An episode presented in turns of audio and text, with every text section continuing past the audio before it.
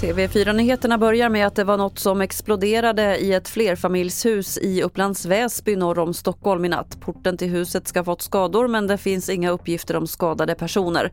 Polisen har gripit fem personer som är misstänkta för allmän farlig ödeläggelse och ytterligare två personer har hämtats in till förhör. I Helsingborg har det varit skottlossning i natt. Två män ska ha skadats allvarligt.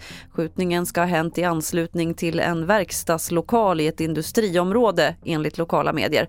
En person har anhållits och misstänks för försök till mord alternativt dråp. Antalet investeringsbedrägerier ökar stort. Enligt polisen luras många att satsa pengar via fejkannonser i sociala medier. Att luras att investera pengar med löfte om hög avkastning, ofta via annonser i sociala medier, har blivit ett fenomen som ökat lavinartat.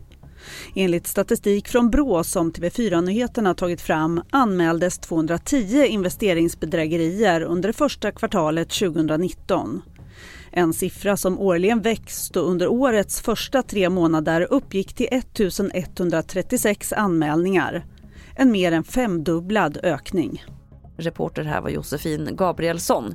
Och fler nyheter finns på tv4.se. Jag heter Lotta Wall.